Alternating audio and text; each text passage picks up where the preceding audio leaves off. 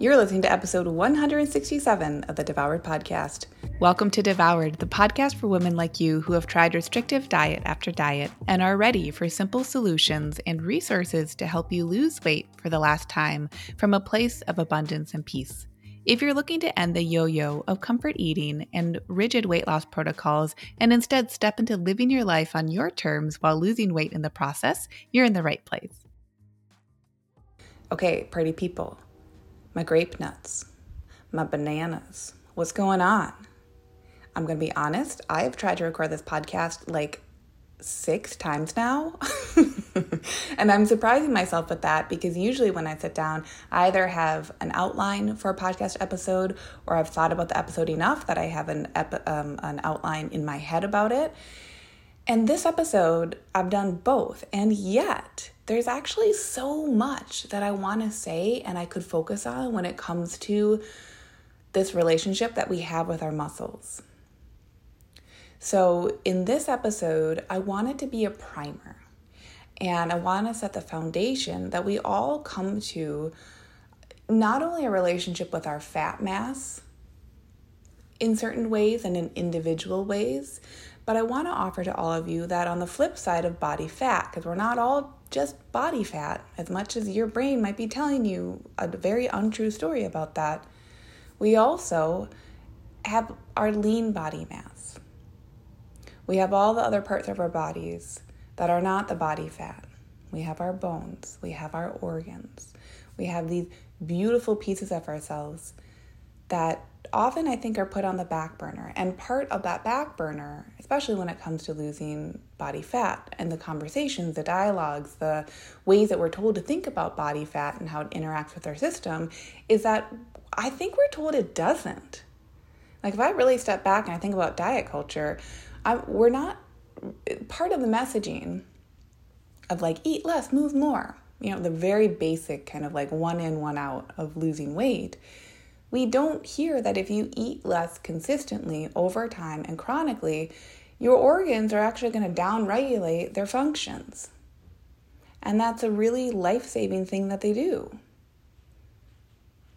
Well, can you imagine that if you were to only have a downregulated organ system and process across the board, your brain downregulates, your intestines downregulate, all that stuff if we're downregulated in our life, gosh, that might mean that over time it would be more and more difficult to actually accomplish the things that we want or to feel as able to be as present in our bodies as we might desire. Same goes for our muscle mass.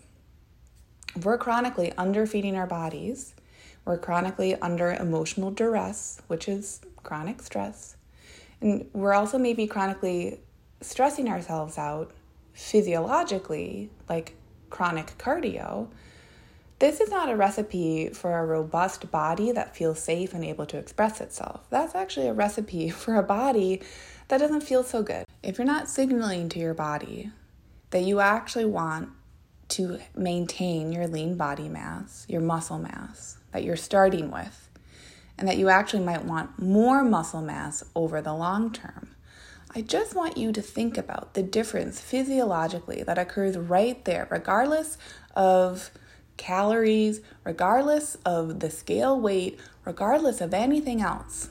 I want you to think about what that is signaling and actually signaling emotionally too when we decide to forget about our muscle mass. And the culture of dieting isn't really going to talk about our muscle mass aside from saying, don't get too much of it. You would be bulky, and that's a bad thing. So, part of our storylining and story work when we're looking at saying, what are the stories that have been given to me about me and my one life and what I do and how I look and how I perform and what I want? What parts of that story happen with my body beyond the fat mass? Because there's also going to be this hyper focus on the fat mass that, like, leaves the rest of ourselves untended for, uncared for. So, on this episode, what I want you to be taken away from it is just the ability to recognize that if you desire to think about these pieces of yourself, that's actually a really radical act, too. And I think for me, where this episode, where I could go in so many different directions with it, is that diet culture is an arm of power and control culture. Power control culture comes from like patriarchal, capitalistic ways of thinking and being. And diet culture is not only just the foods on our plates, it's not only just about weight loss. To me, diet culture has a ripple effect in every single thing we do. So, diet culture very often comes into the gym on both sides. And so part of me wants to speak to my experience with that because I grew up with an identity of not being athletic at all. I was like the kid, I used to make HTML websites. I was super into just like doing stuff, like being in my brain and thinking on that stuff. I loved that stuff. And at the same time, I'd kind of play some rec rec team or like park team sports and that was it. There just wasn't an identity there. And over time, I cultivated, which surprised me once I found CrossFit, which was a decade ago now, the very first CrossFit gym I went to and found. By deciding to show up to a process of actually asking my muscles to be engaged and, in fact, grow, right, by pushing them in a loving way, I developed this identity that to me felt athletic for me. And the reason I loved CrossFit at the time, and you know, there's a whole journey there too, which I'll describe a little bit more in a minute. The reason I loved CrossFit is that the only person I was competitive with was myself. And that felt amazing. It felt amazing to be put into a community, because it's group classes, put into a community where you're there with other people, but you're all doing your own thing together. That felt really amazing. Because my thing was for me, by me, right? My whole life of having this identity that wasn't very athletic, but coming into an athletic box, like I didn't have to try to chase after anyone else. And of course, people did and would attempt to and would use that for motivation. But for me individually, really coming into more of a relationship with the muscles on my body, right? What could they do? What was their potential? What did they tell me? I remember the first time I started to grow a bicep, a couple months into my very first CrossFit that I was working out at, I was going maybe three times a week.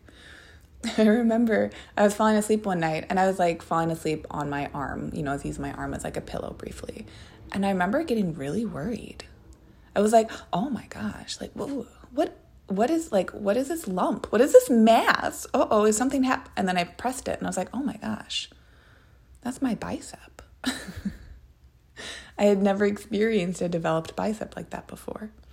So here's the reason I'm sharing this personal story, and the reason I've been like, how do I have this episode?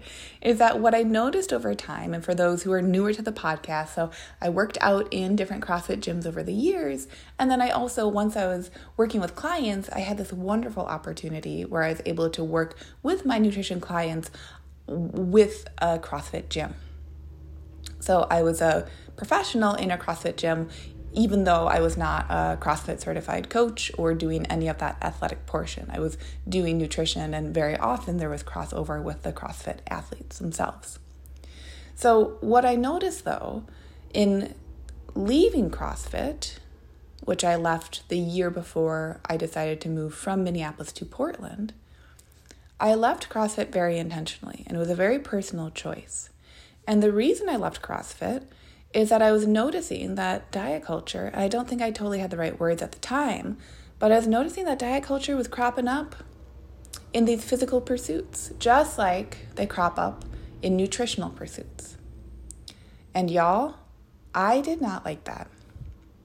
I did not like noticing that I was in what felt like a pressure cooker of now keeping up with the Joneses and keeping up with appearances and all of those stories that can come with a culture of dieting. And so when I decided to step away, I actually, because I am a bit of a rebel, and for those who listen and are into the Enneagram, I'm a type 9 and I very much know I have an 8 wing.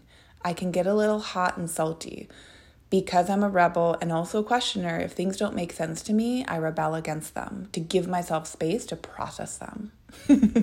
How about that? and so when I was feeling these pressures from the culture of dieting, I was like, not only am I going to step back, as I was stepping back, I recognized I'm going to step really far back. And I gave myself about a year where I did not work out in terms of building muscles. I walked, I was active, I would bike, you know, and then once I moved to Portland, I was in a new city and exploring. So the, there was this shift of saying, what if I don't pursue these muscles until I figure out my own relationship with this part of my body? And that, my friends, provided me with so many insights over the years. And of course, there were ups and downs. When I came to Portland, I actually started working with a trainer who later on I felt very uncomfortable in his presence. Uh, felt there was some things that were inappropriate, and so I distanced myself from that, and I needed a break from that. So there, of course, like life is lifey. Things are not always so cut and dry. The next time I started working out in a gym, just a few months later, something called the pandemic came up. Right, we our life serves us these different opportunities to like try things, go inward, try things, go inward, try things, go inward. So I'm at a point now where last year in November of 2020, I had a really big thyroid flare, and I, I've mentioned it just very gently here and there because I also don't love to identify with some parts of having an autoimmune disease that I think some people can use to kind of unempower themselves. I'm just here to listen to my body and what it shares with me. So last November, I got to a point where even going for a half mile walk suddenly was really difficult and was no longer filling my cup. I didn't have the energy for it. My muscles weren't feeling so good. And so I had, on top of a very big choice years prior to step away from a gym routine in order to give myself space to tune out the noise. And then certain attempts that worked and felt really awesome. And then I'd would step forward and would step back in terms of what felt like a linear progression, what I started to realize with this last part that, if we're talking about it in a linear sense, felt like many steps backwards with the autoimmune flare, the thyroid, the Hashimoto's flare in November. What I realized from that is that, and I knew this, but I had to experience it, is that none of this is linear. And if we're thinking that this is linear, what I want to offer to all of you that that might be a sneaky form of shooting on ourselves, which is a sneaky form of diet culture, telling us diet culture dialogues. And they might even be diet culture monologues, because it's like the teacher from Peanuts, and it's like womp, womp, womp, womp, womp. So, I had to get really humble back in November, even though I'd already gotten really humble. I'd had a lot of adrenal um, ups and downs the summer prior that actually started. And this is where I haven't wanted to share this because it's who like white girl needing white girl attention not at all. But the news of George Floyd being murdered um, hit very close to home. That intersection where he was murdered I, I lived for multiple years just a block and a half away from there. My family was in Minneapolis, friends and family who were showing up to working and supporting those who needed aid on Lake Street. And so, being a sensitive soul, prior to that, I had been continuing the workouts I'd been doing at that gym right before the pandemic hit. I just continued to do them at home. I thought I had had everything figured out, right? All right, can't go to the gym, I'll just do it at home.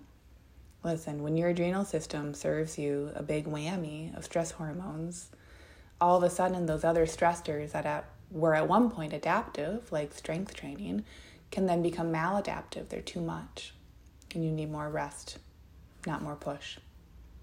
So that was a bit of a backtrack to fill you in with what, what had happened over that summer.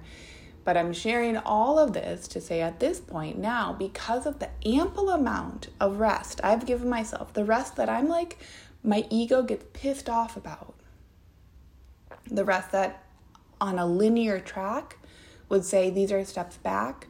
What I want to offer to all of you in terms of the relationship we have with our other parts of our bodies beyond the fat mass is that that's okay. It gets to be part of the journey.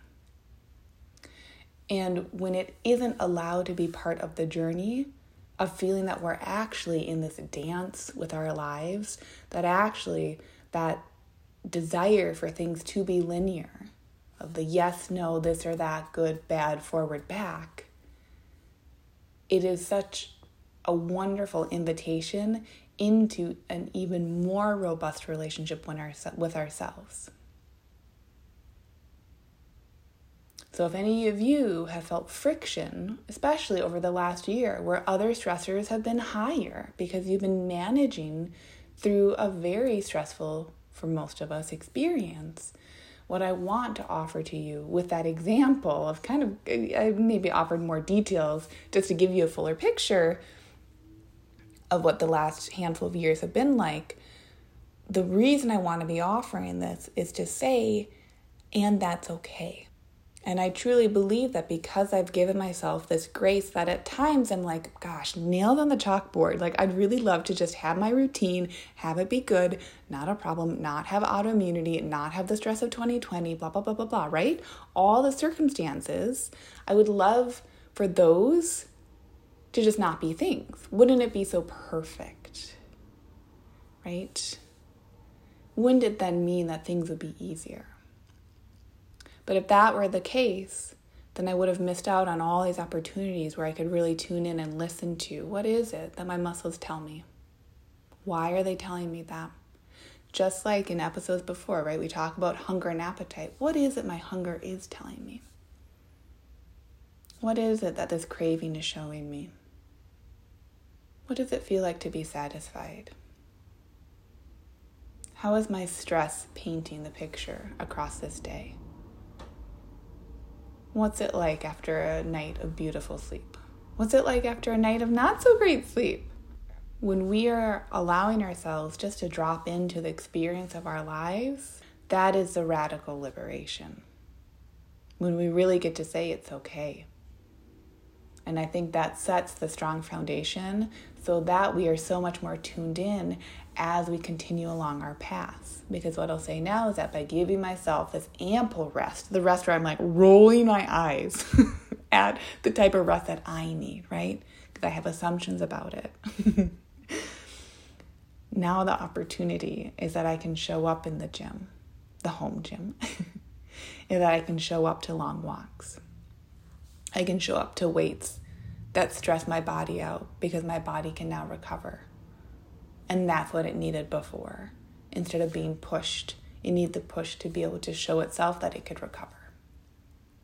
And so I share this with all of you because I know a good handful of you who listen to this podcast, just like a good handful of people who feel like there is a more consistent or chronic struggle with weight and conversations around that and what their bodies are doing, a lot of us who have these conversations do have like thyroid considerations, whether that's Hashimoto's or hypothyroidism, thyroidectomies, like a irradiated thyroid, whatever it is with that connection with our thyroids. That's why I want to be sharing this here is that it has to be more than calories in, calories out when we're losing weight and that gets to be part of our liberation is saying of course it's more than that and nothing's gone wrong. Because diet culture will tell us something has gone wrong if it's more than calories in calories out.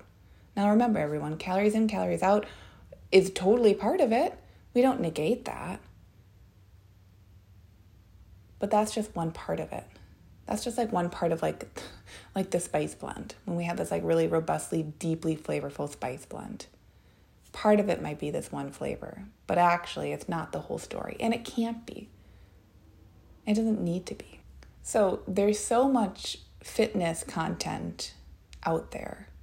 And there's so much diet culture content out there. So, as someone who now you know a bit more of my story and where I come from with moving my body and what that means and why it means these things, what I want to say from a very tangible point is that what if it gets to be simple with how you move your body? What if all your body needs is just the inputs of it being shown what you're asking it to do? And I think that's a bit of a, well, quite a different way than how other people talk about it, right? They say, okay, strength train two to three times per week, get at least X amount of steps, 10,000 steps a day, make sure to get a rest day. But if you kind of, you're active on your rest day, then that's okay too. And go be out in nature.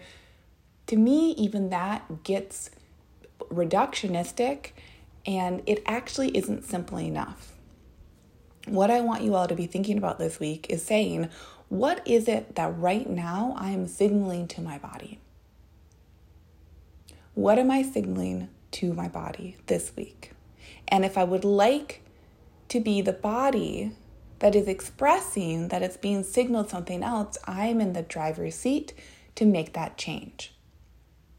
So if you're constantly under eating and over cardioing yourself, guess what? Is your body representing that it's stressed out? Is it feeling tired and puffy and like would rather eat carbs on the couch? What if instead, if you're saying, well, I like to be leaner, so I'd like to lose body fat mass, I'd like to have a robust metabolism, what if your only job is to say, and what are the inputs that make that happen? Right? If I want to have a different body composition, what if it's not about reducing, reducing? What if it's actually about building? and building that lean body mass. And even not overtly of saying, well, I've got to be now the strongest person in the world, right? That was a lot of the diet culture. That was a lot of the diet culture messaging that I stepped away from over the last handful of years from that physical space, not from the food on my plate. What if it's not being about the best version of yourself? What if it's just about being the most you version of yourself? And for my clients who listen to this, guess what? And for anyone else too, right? I have a whole episode on core values. I'll link that one in the show notes again. What that means when I say, like, what is the most you version of you? Is it going to come back to, like, how are you living in accordance with your core values? Right? So if you're signaling to your body, be stressed out, and one of your core values is calmness, what if the only reason it doesn't feel so good to be stressed out is just because it's misaligned? Same thing with chasing a weight loss goal that's empty because it's just a, a number on the scale. The number on the scale is probably representing really deeply rooted things that you value. Those things that you value might be feeling more freedom in your body, right? Being more present,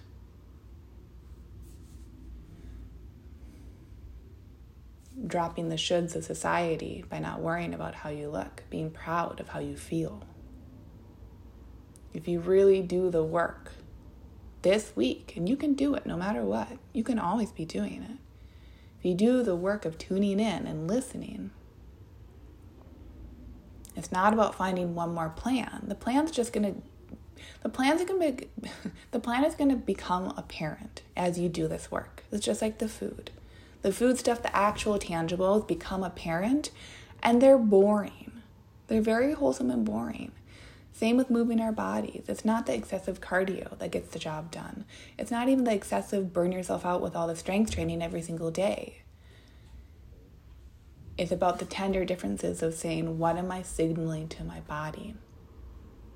If I want to feel strong and proud, am I choosing over time, consistently, ways that my body can show up and get the signal that it's being challenged to be strong.